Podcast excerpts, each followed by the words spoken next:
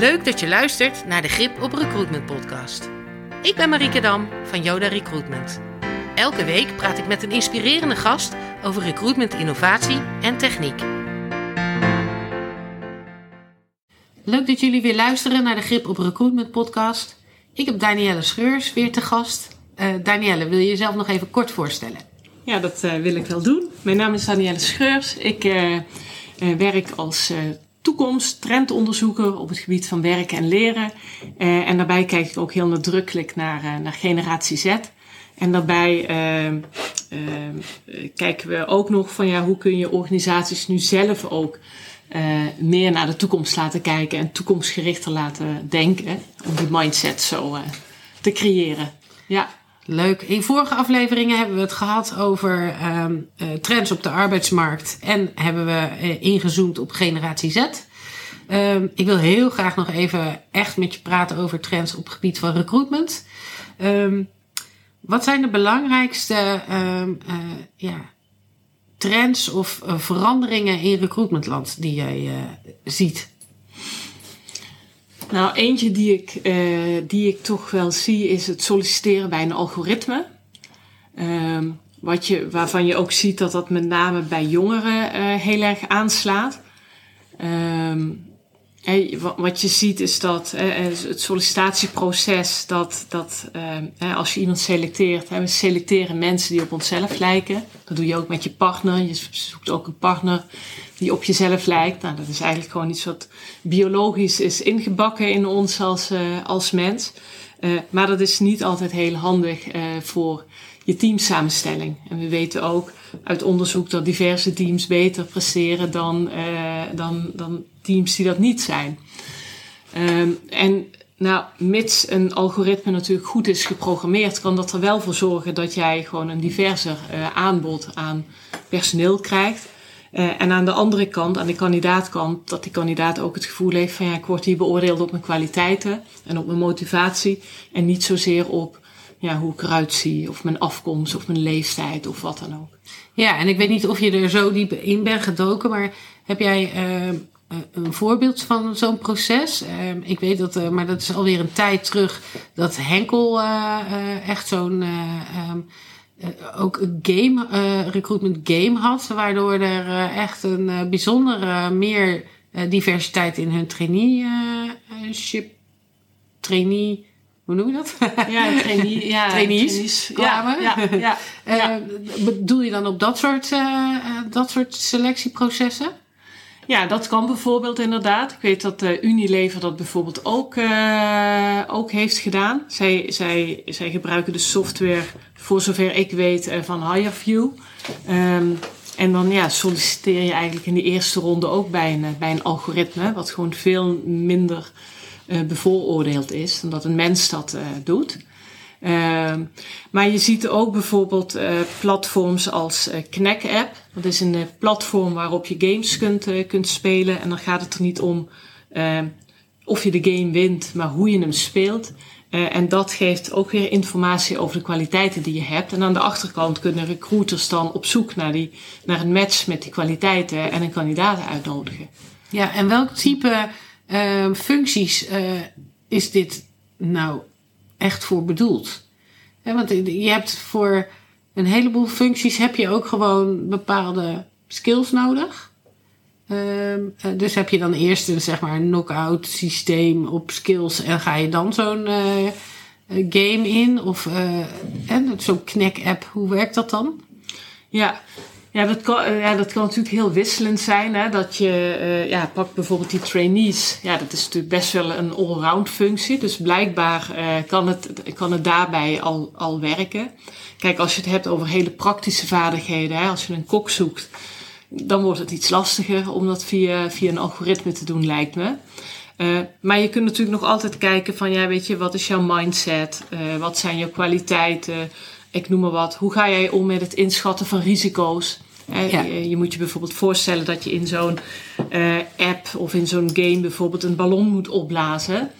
Uh, en ja, tot hoe ver laat je hem, uh, laat je hem blazen. Hè? Want met het risico dat hij knapt. Nou, dat zegt iets over jou, over hoe jij uh, risico's inschat, bijvoorbeeld. Dus dat kan ja, eigenlijk op hele, hele diverse gebieden.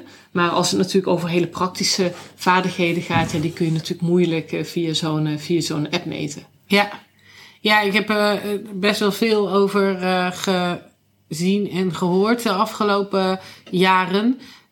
ik merk wel dat de tegenstanders um, um, van artificial intelligence bijvoorbeeld um, heel fel waren op het uh, uh, garbage in, garbage out. Hè? Dus dat daar toch ook nog veel uh, ja, bias in zat ja. in, in, in, in zo'n artificial intelligence systeem. Maar dat dat ook echt minder wordt. Hè? Dus dat, dat, dat ook daaraan gesleuteld wordt op, door middel van harde data. Eh, ik heb ook een tool gezien waarmee je uh, neutrale vacatureteksten bijvoorbeeld kan, uh, kan schrijven. Die is uh, volgens mij bij de Universiteit van Amsterdam in ontwikkeling.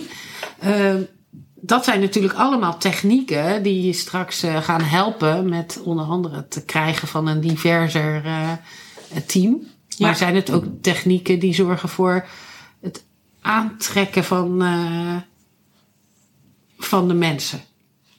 Nou, ik denk uiteindelijk misschien. Eh, ik kan me voorstellen dat, dat een jongere generatie daar wat meer open voor staat dan de oudere generatie. Om er even een voorbeeld te geven. Uniek Uitzendbureau die heeft nu net ook een, een vestiging in hun metaverse uh, ge, uh, gelanceerd. En de metaverse is een ja, belichaamd internet, of dat is in ontwikkeling. Uh, maar ook wel met het idee om daar ook, ze noemen het Uniqueverse, noemen ze het. Uh, om daar ook jongeren naartoe te trekken. Uh, omdat die dat wel interessant vinden om bijvoorbeeld via games hè, of gamification uh, ja, aan, een, aan een baan te komen. Dus ik denk dat het ook wel een beetje generatieafhankelijk is. Yeah. de oudere generatie zal er iets argwanender tegen, tegenover staan. Ik denk dat het vooral belangrijk is dat we nu in een fase zitten waarin we het dat we het gaan uitproberen en mee gaan experimenteren. Het is nog niet perfect. Het wordt misschien ook nooit perfect. Maar het wordt misschien wel beter dan uh, een één op één gesprek. Uh, dus ik denk dat vooral het, het, experimenteren en het uitproberen en het leren daarvan, dat dat nu heel belangrijk is en dat je daar juist open voor moet staan. Ja, ik heb ook al diverse assessment tools gezien waarin je ook heel echt gericht uh, kan toetsen op, op skills.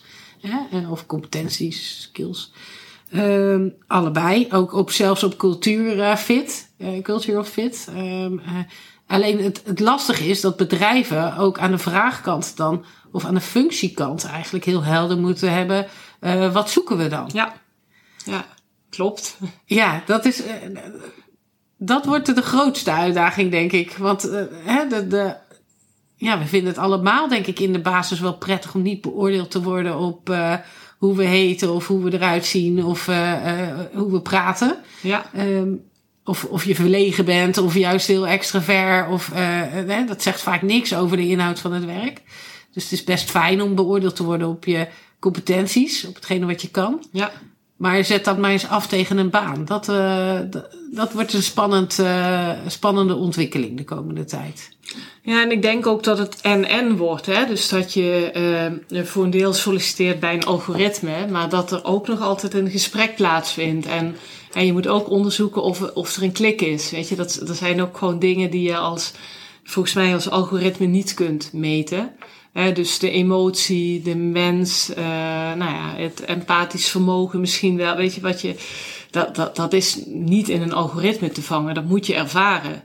Dus ik denk dat het algoritme eigenlijk vooral voor die eerste uh, schifting eigenlijk heel uh, waardevol kan zijn. Maar ja, blijf ook vooral met mensen in, in gesprek, zou ik zeggen. Ja. ja. Ja. ja, en de uitdaging daar wordt dan weer, hoe laat je de klik nou niet afhangen van je uh, kiest wie je kent ja. Uh, gevoel. Ja. Hè? Want ja. anders heeft de, de, de schifting uh, op, Klopt. op gelijkwaardigheid daarvoor heeft nog weinig ja. zin. Ja. Ja. ja. ja dat, dat, ik heb ook laatst gelezen dat ook de bias trainingen heel kortstondig zijn in, de, in, in het geheugen van, van mensen. Ja. Dus dat ook dat echt een organisatieverandering vraagt op hoger niveau. Ja. Ja, dus daar is ook echt wel veel in te doen. Ja, en wij als mens zijn ook gewoon zo geprogrammeerd hè, om, te, om te kunnen overleven. Ja. Dat wij ja, informatie filteren in, nou ja, ik noem maar even, in, in, in, in laadjes in onze, in onze hersenen. Ja. En eh, ja, op het moment dat je dan iets of iemand tegenkomt die anders is, of eh, ja, dan, dan, dan, dan klassificeren wij dat als, eh, als anders, eh, in plaats van dat het vertrouwd is. Ja, en volgens mij is dat ook niet erg. Alleen Nee. eh, je moet je er wel bewust van zijn. Precies. Ja, Ja, ja. En, en, voor, en wat denk ik voor mij in ieder geval als zeker geen generatie Z werkende. heel erg fijn is om te weten, is dat dit wel de tijd is waarin je echt kan leren. Dus je mag die fouten maken. Eh, je mag eh, je niet woke voelen. Eh, je mag denken van, goh, waar is dit nou allemaal goed voor? Wij gaan gewoon lezen en je erin verdiepen. En dan kom Ja. je volgens mij echt een end. ja. Maar oké, dat is een ander gesprek. Ehm, even kijken. Open hiring. Ja. Dat is ook wel een onderdeel van diversiteit en inclusie. Ja. Maar het is Ja. ook vooral een tof experiment om nou eens te kijken... wat doet het nou als je de deur echt openzet? Ja, ja. Eh, we zien dat veel in sociaal, eh, sociaal eh, maatschappelijke betrokken bedrijven. ja. Heb je het ook al in commerciëlere eh, settings gezien?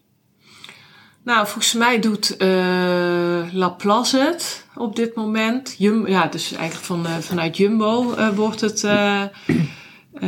zie ik het. Ben even aan het nadenken hoor.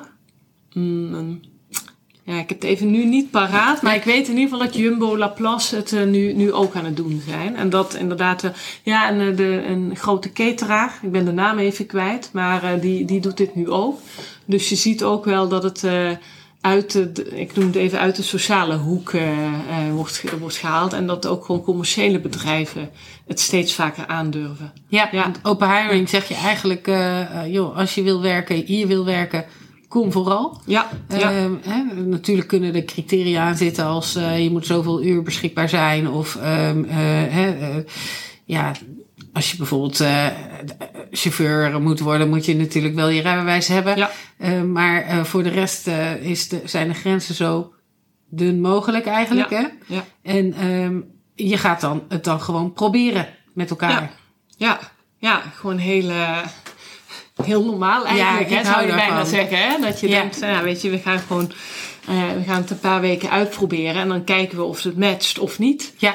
Ehm, ja, en de, de- ja, ik hou er ook wel van. Ja. Het is lekker pragmatisch. eh, en het staat dan het staat veel meer los van al die vooroordelen die je van tevoren mogelijk zou hebben gehad. Ja, ja, en de waarde, de eigen waarde van de kandidaten, die wordt ook gewoon eh, serieus genomen. Ja, Ik denk sowieso dat als iemand solliciteert op een vacature die jij hebt openstaan, jij kan misschien denken dat iemand daar niet op past, maar die persoon denkt zelf wel dat ze erop passen. Ja. Dus het is altijd waardevol om te kijken waarom die, eh, eh, die persoon of die kandidaat dat denkt. ja, En want uiteindelijk ken je jezelf toch echt het best en niemand wil falen. Ja, ja. Dus, ja. eh, dus als jij ergens op solliciteert, natuurlijk is het misschien ambitieus, maar je, denkt van binnen hoogstwaarschijnlijk echt wel dat je dat kan. ja, ja. Dus eigenlijk blijft het een bijzonder, eh, eh, bijzonder systeem wat we hebben ingericht, hè, dat selecteren. Nou ja, absoluut. Ja. Ja, ja, Daar, daarin hebben we ook een, wel een grote trend dat je eh, ziet dat je mensen wil die een duidelijke toekomstvisie hebben, hè? duidelijke motivatie zelf. Ja, ja. Nou ja, dat heeft dus ook weer, en dat zie je dus ook in dat open hiring terug. Ja, eigenlijk selecteer je daar voor, voor een deel ook mensen op motivatie. Hè, eh, want ja, blijkbaar willen die mensen graag bij jou werken. Hè? Dus ze zijn al gemotiveerd. Eh, nou, s- en in sommige gevallen komen ze ook nog, eh, nou, noem het even uit een achter, achterstandspositie. Hè, of beschikken ze over niet zoveel arbeidsmarktvaardigheden. eh, waarbij je ze dan kunt helpen. Die constructies eh, zie ik bijvoorbeeld bij, eh, bij iDit. Eh is een onderneming in, eh, in Utrecht. Zij recyclen eh vilt, maar zij eh, bieden ook dus alleen maar plekken voor mensen met een afstand tot de arbeidsmarkt. En zeggen eigenlijk van ja, in die, eh, in die tijd dat ze bij iDit werken, dan ontwikkelen ze eigenlijk arbeidsmarktvaardigheden, zodat ze daarna ook weer klaar zijn om ja, de wijde wereld in, eh, in te gaan. Dus dan bied je eigenlijk nog meer dan een baan. eh, maar eigenlijk ook bijna steun, een vangnet en ontwikkeling om, Ja. eh, om weer verder te komen. Leerschool. Ja, het is een leerschool. Um, ander mooi voorbeeld, dat, dat zit niet in recruitment, maar dat is een onderwijsinstelling in Amsterdam. Dat is CODAM, Coding College Amsterdam. Uh, dat is bijvoorbeeld een, een uh, opleiding van drie jaar waar je kunt leren programmeren, waarbij iedereen welkom is. Je zit buiten het, het, zeg maar het officiële onderwijssysteem in Nederland om. Maar zij zeggen van ja, je bent hier welkom zonder diploma. Maar je krijgt ook geen officieel erkend diploma als je na drie jaar klaar bent. We geven je wel 100% baangarantie. Um, dus dat is ook een, uh, ja, een manier uiteindelijk ook om mensen, mensen te werven. En ze dus uh, in die eerste maand dat ze zich aanmelden, worden ze gewoon op motivatie uh, geselecteerd. Gaan ze gewoon kijken van ja, ben jij gemotiveerd genoeg om die drie jaar te doorlopen? Ja. Ja. Ja, ja, ik vind dat hele mooie ontwikkelingen. Helemaal als je bedenkt dat volgens mij de CV- en motivatiebrief methode ja. al meer dan 50 jaar bestaat. In die tussentijd niet is veranderd. Het enige wat we eraan toe hebben gevoegd is dat je hem tegenwoordig kan mailen of kan uploaden. In plaats van dat je hem met de hand schrijft en op de brievenbus doet. Ja. als je nadenkt over dat systeem ja, dan moet je echt achter je oren krabben. Waarom in hemelsnaam willen we dat nu nog tegenwoordig? Ja. Helemaal met deze schaarste. Je Ja. wil gewoon dat iemand, je wil met iemand in gesprek. Ja, en, En- niet of je, je hoeft niet te selecteren of iemand een goede brief kan schrijven. Nee. Nee. Mijn compagnon bijvoorbeeld is dyslectisch en ik zeg altijd tegen haar: Als jij mij ooit een brief had geschreven, tien jaar geleden, had ik je waarschijnlijk nooit aangenomen. Omdat ik had gedacht: van je, je, je kunt niet schrijven. Ja, Maar ja, wat een onzin is dat eigenlijk. Eh, Ja. ja, inderdaad. Ja, Dus mooi. Volgens Ja. mij is er heel veel te winnen nog op het gebied van recruitment. zeker. Eh, ja. Zowel technologisch als eh ruimdenkendheid, diversiteit, inclusie, gelijkwaardigheid. ja, Nou, wij Ja. spreken elkaar vast nog wel een keertje. ik hoop het. Dankjewel, eh, Ja, Danielle. graag gedaan. Bedankt voor het luisteren. Nieuwsgierig naar innovatieve recruitmenttechnieken voor jouw organisatie? We helpen je graag. Kijk voor contactinformatie op de website van Yoda Recruitment. Tot volgende week!